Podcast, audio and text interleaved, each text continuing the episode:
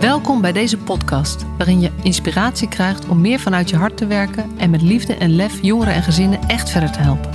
Voel je waarde, voel de passie voor je vak, voel je professional vanuit je hart.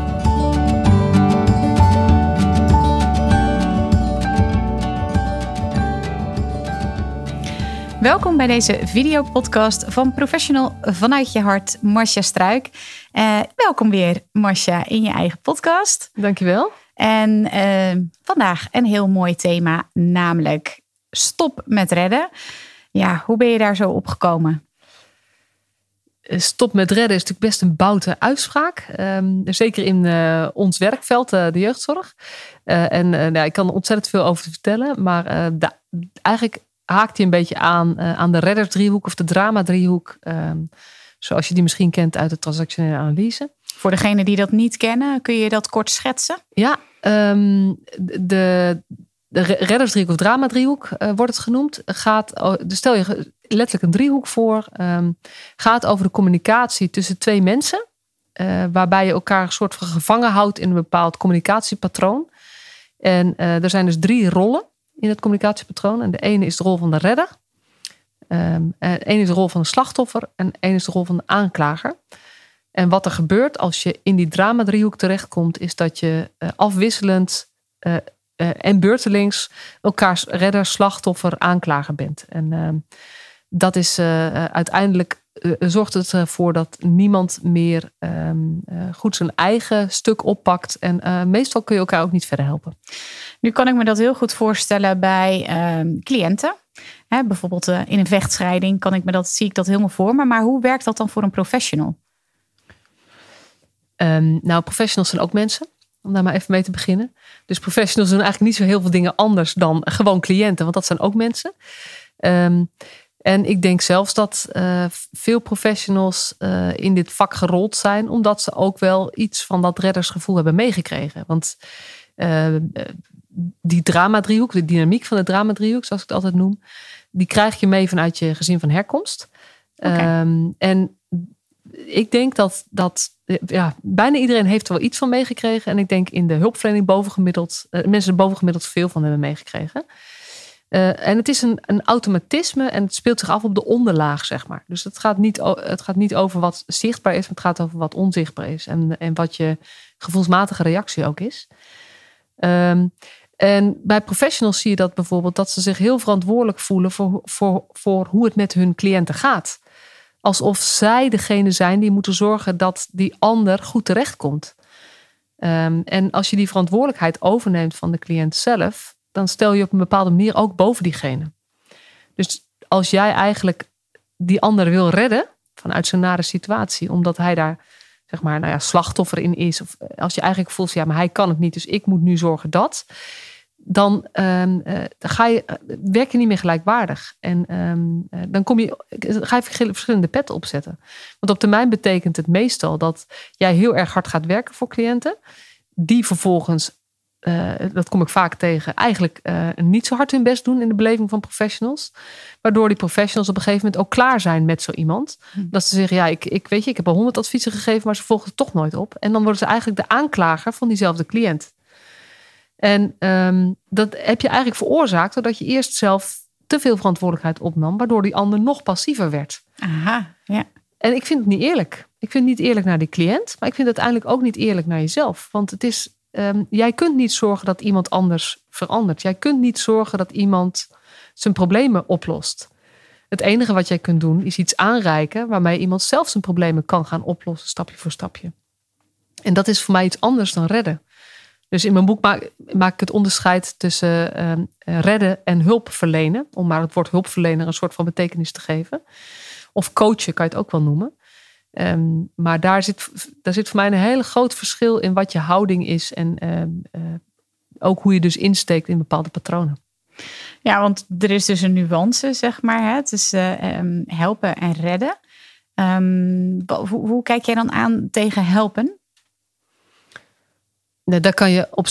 Weet je, dat, dat, daar kan je op zich een hele filosofische discussie over eh, starten. Een heel filosofisch gesprek. Kan je überhaupt een ander helpen? Of kan je. Eh, weet je, dat, dat weet ik niet zo goed.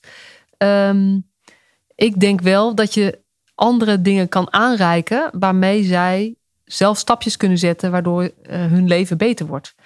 En ehm, dat kan je helpen noemen, of dat kan je coachen noemen, of dat kan je delen noemen. Dat maakt me niet zo heel veel uit. Ehm, het woord helpen in de zin van ik help jou, dus ik doe het, dat klopt niet. Want jij kan het niet doen voor een ander. Het heeft met die verantwoordelijkheid te maken, denk ik. Ja. Klopt dat? Ja. Ja, ik denk dat, dat Ehm, je hebt de reddersdriehoek en daartegenover kan je de winnaarsdriehoek zetten. Dus uh, dat, leg ik, dat, dat, is best ingewikkeld om zo uit te leggen zonder dat je een plaatje erbij ziet. Maar het kern ervan is dat als je in het patroon van, of de, de, ehm, eh, de dynamiek zit van de reddersdriehoek, dat je uh, verantwoordelijkheden op je neemt die niet van jou zijn, of geen verantwoordelijkheid op je neemt die wel van jou is. Dus je neemt dingen van elkaar over. En kenmerk van de winnaarsdriehoek, die er tegenover staat, is dat iedereen gewoon heel goed weet waar hij of zij zelf verantwoordelijk voor is. En dat ook neemt. En dat betekent in jouw rol als hulpverlener heb je um, een bepaalde verantwoordelijkheid om cliënten, jongeren, ouders dingen aan te reiken. Uh, dus dat, is, dat doe je wel. Dat, dat is gewoon je rol, dat is je professie. Hm. Maar de manier waarop je dat doet, dat is op die onderlaag. Doe je dat eigenlijk uh, door het ook over te nemen en eigenlijk te denken: dit moeten ze doen, want zo uh, komt het goed met ze, uh, komen ze goed terecht. Of zeg, geef je het meer als een soort suggestie, waarbij je mensen zegt: joh, dit bied ik je aan.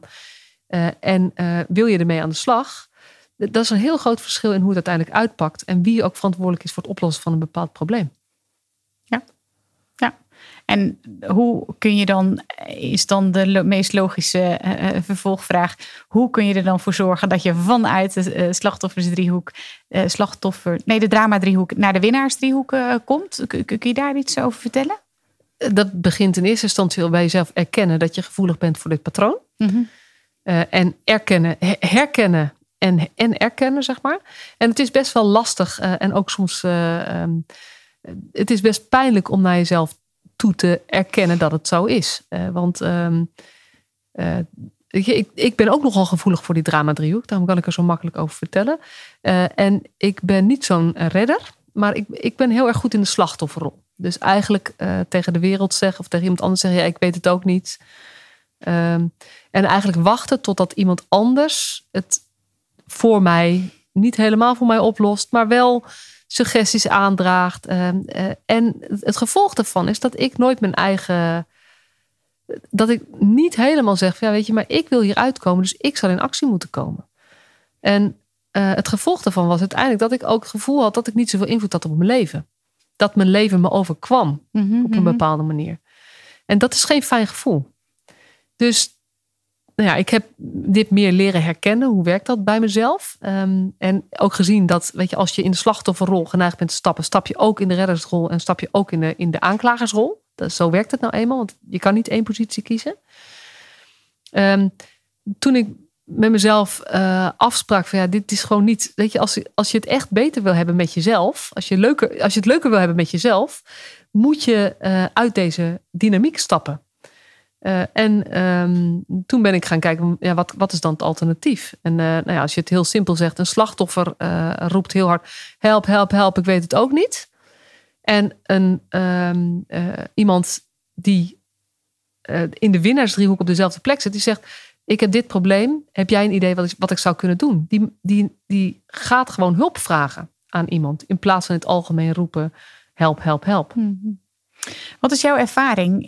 Heeft iedereen in potentie de, de, de mogelijkheid of de, ja, om van die uh, drama-driehoek naar de winnaarsdriehoek te gaan? Niet alleen cliënten, maar ook dus juist natuurlijk professionals. Het vraagt echt in de spiegel durven kijken. Want het gaat over echt zelfbewust zijn. En ik, mhm. weet je, heeft, is iedereen in staat? Ik denk, weet je, op zich denk ik wel, zeker professionals.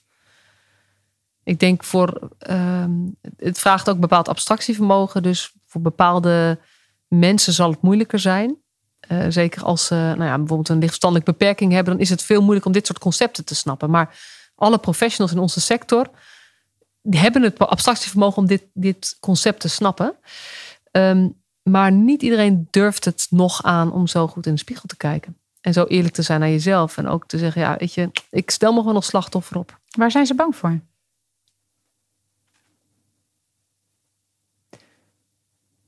Vind ik een hele lastige vraag. Ik denk dat het eng is om over jezelf te zeggen. eh, om eigenlijk tegen jezelf te zeggen: ehm, eh, het resultaat van mijn leven is wat ik mezelf. Zeg maar, ik, ik organiseer het zelf of zo. Dus eh, misschien bang voor die eigen verantwoordelijkheid. Maar dan komen we weer op hetzelfde thema uit. Dat was in ieder geval bij mij. Dat is het makkelijkst om te zeggen. Weet je, ik, Ja, ik weet niet hoe het bij anderen werkt, maar Ja. zo was het bij mij. Weet je, weet je ehm, als ik me slachtoffer voel, ben ik ook niet aan zet om het echt voor mezelf beter te maken. En kan ik me ook ongelukkig voelen in de situatie hoe het is. En toen ik me realiseerde dat ik niet echt happy was in die situatie. En dat de enige manier om eruit te komen is zelf iets anders te gaan doen. Dat gaf aan de ene kant, zeg maar, is dat is een onwijs pijnlijke ontdekking. En nog wel eens dat ik dan terugkijk en dan denk, en, of, als ik het nu doe, want het gebeurt nu nog heel vaak, dat ik mezelf ook veroordeel. Of dat ik denk, ja, wat ben je nou voor, eh, eh, voor loser of voor mislukkeling dat je weer, weet je, en dat is pijnlijk. Zo eerlijk zijn naar jezelf. Voor mij en ik denk voor velen. Eh, en ehm, ik denk dat de, voor mij de, de, de enige manier om daar weer uit te komen, uit dat soort sombere gevoel, is op een gegeven moment zeggen: ja, en nu is de keuze aan mij, blijf ik hierin hangen of stap ik eruit? En ehm, ja, dan helpt een theoretisch concept, kan helpen van wat kan je dan in plaats van het gedrag wat ik nu doe, wat kan ik dan doen? En eh, ik heb de opleiding gedaan met eh, persoonlijke ontwikkeling. Dat was een uitgebreide opleiding van drie jaar. Er zit heel veel transactionele analyse ook in. Er zitten allerlei helpende concepten in. Die ehm, ook mij laten zien wat ik doe in interactie. En het mooie vind ik eigenlijk dat als je kijkt naar communicatie of interactie of hoe je het met elkaar, zeg maar, eh, of je een Mhm. connectie maakt of niet, dat dat ehm, ieder heeft daar ook zijn, zijn eigen deeltje in. En het enige wat je kan beïnvloeden is jouw onderdeel. Wie jij zelf bent en wat je doet. En dan kom je natuurlijk ook op een thema als eh, hoe beïnvloedbaar is je leven? Hè? Ben je overal verantwoordelijk voor? Ehm, eh, of inderdaad overkomt het je? Nou, dat is dan de hele andere kant van de schaal, zeg maar. Maar hoe zie jij dat? Hoe, hoe beïnvloedbaar is jouw leven? Natuurlijk kan je alleen over jezelf spreken, maar laten we het breder trekken van professionals. Ik denk dat er heel veel dingen zijn waar je geen invloed op hebt. En dat je alle invloed hebt op hoe je ermee omgaat met de omstandigheden waar je in bent. Dus ehm, door het terug te brengen naar de dingen waar je wel invloed op hebt, kan je het voor jezelf beter maken. En door vooral te kijken naar de dingen waar je geen invloed op hebt en je machteloos voelt, ehm, wordt het leven ingewikkelder. Dus ik geloof niet dat het leven heel maakbaar is in alle omstandigheden. Hm. Ik geloof wel dat, het, dat je eigen stemming ehm, of hoe je je voelt eh, over je leven, dat dat wel heel maakbaar is en heel veel te maken heeft met mindset. En ehm, ik, ik aarzel om, om dit zo te zeggen, omdat ik ook weet dat er mensen eh, zijn die met een depressie kampen, bijvoorbeeld. Weet je, dit, dit gaat over. Dit is insteek van positieve psychologie ook. Dit gaat niet over. eh, ik ben nu heel erg ongelukkig en als je maar even anders denkt, dan is het over of zo. Dit gaat over, weet je, ehm, je hebt manieren waarop je met dingen omgaat. En daar kun je iets in veranderen. En als je dat doet, kan, het, kan, je, kan je leven ook beter worden. Eh, en als jij echt ziek bent, weet je, ik geloof niet dat je je ook beter kunt denken of zo. Dus dat wil ik, wil ik wel eventjes zeggen. Dat maakt het ook wat lastig om hier hele harde uitspraken over te doen. Ehm, ik geloof wel dat je eh, met anders, anders kijken ehm, echt je situatie kunt verbeteren. Ja, want als we nog even teruggaan. Hè, je, je, je gaf eerder in het gesprek aan van... nou, voor mij was dat toch ook wel dat ik meer in, aan de drama-driehoekkant zat... dan aan de winnaars-driehoekkant. Uh, wat was voor jou het moment om daar uit te stappen en om dat te, te veranderen? Um, eigenlijk het besef, uh, als ik zo doorga... dan blijf ik mijn hele de hele tijd overleven. En ik wil niet blijven overleven, maar ik wil leven. Was er ook een bepaalde aanleiding? Of, of kan je dat nog herinneren? er was niet een bepaalde, het was niet echt een bepaalde aanleiding, maar het was wel dat ik vanaf dat ik vrij jong ben, ben ik al aan het worstelen met, was ik wel aan het worstelen met leven. Ik ben niet zo, ik ben in een gezin opgegroeid waarin ik me niet zo gezien voelde. Waar weinig warmte was. Omdat mijn ouders dat gewoon niet zo hadden. Niet zo hadden meegekregen ook. Um, en ik had wel die behoefte. Dus ik, ik leefde in een situatie waarin ik tekort kwam voor mijn gevoel. En um, ik ben heel erg aan het worstelen geweest. Van, dan kan je heel boos worden op die situatie. Maar daar werd ik niet gelukkiger van. Dus op een gegeven moment is er een soort van besef gekomen. Als ik hiermee doorga, dan blijf ik, blijf ik met dit thema worstelen tot, tot ik doodga, zeg maar. En dat wil ik niet. Volgens mij is het leven rijker dan dat. En toen, uh, uh, nou ja, dan ga je dieper kijken. En uh, op een gegeven moment dacht ik, ik heb gewoon, ben nog steeds dezelfde overlevingsmechanismes of dezelfde mechanismen aan het herhalen vanuit mijn jeugd. Terwijl ik nu een ander iemand ben. En ehm, dus, dus het, is het is niet een bepaald moment, maar het was wel een besef. Uh, dit, ik wil niet zeg maar, in, in deze soort sombere stemming blijven hangen. Ik wil gewoon uh, energieker zijn, blijer zijn, ehm, meer regie pakken. En voor mezelf verwoord ik dat ik wil van overleven naar leven. En uh, daar is voor mij, die dramadruk is een van de eh, dingen die ik daarbij gebruik als een model. Wat, wat mij heeft laten zien, hey verrek, dit is wat je doet en dit is het alternatief. Als ik gewoon krachtiger in het leven wil staan, zal ik bepaalde dingen anders moeten gaan doen. Ik hoef niet anders te worden. Ik moet gewoon bepaald, bepaalde dingen anders benaderen. En inmiddels heb ik ontdekt dat je dan, dat mijn hele grondstemming is ook wel veranderd daarmee. Ik, ik vroeger uh, gaf ik mijn leven denk ik een vijf of zo, in hoe ik het ervaarde. En nu zit ik toch wel op een acht. Uh, en niet omdat de omstandigheden heel veel beter zijn dan toen.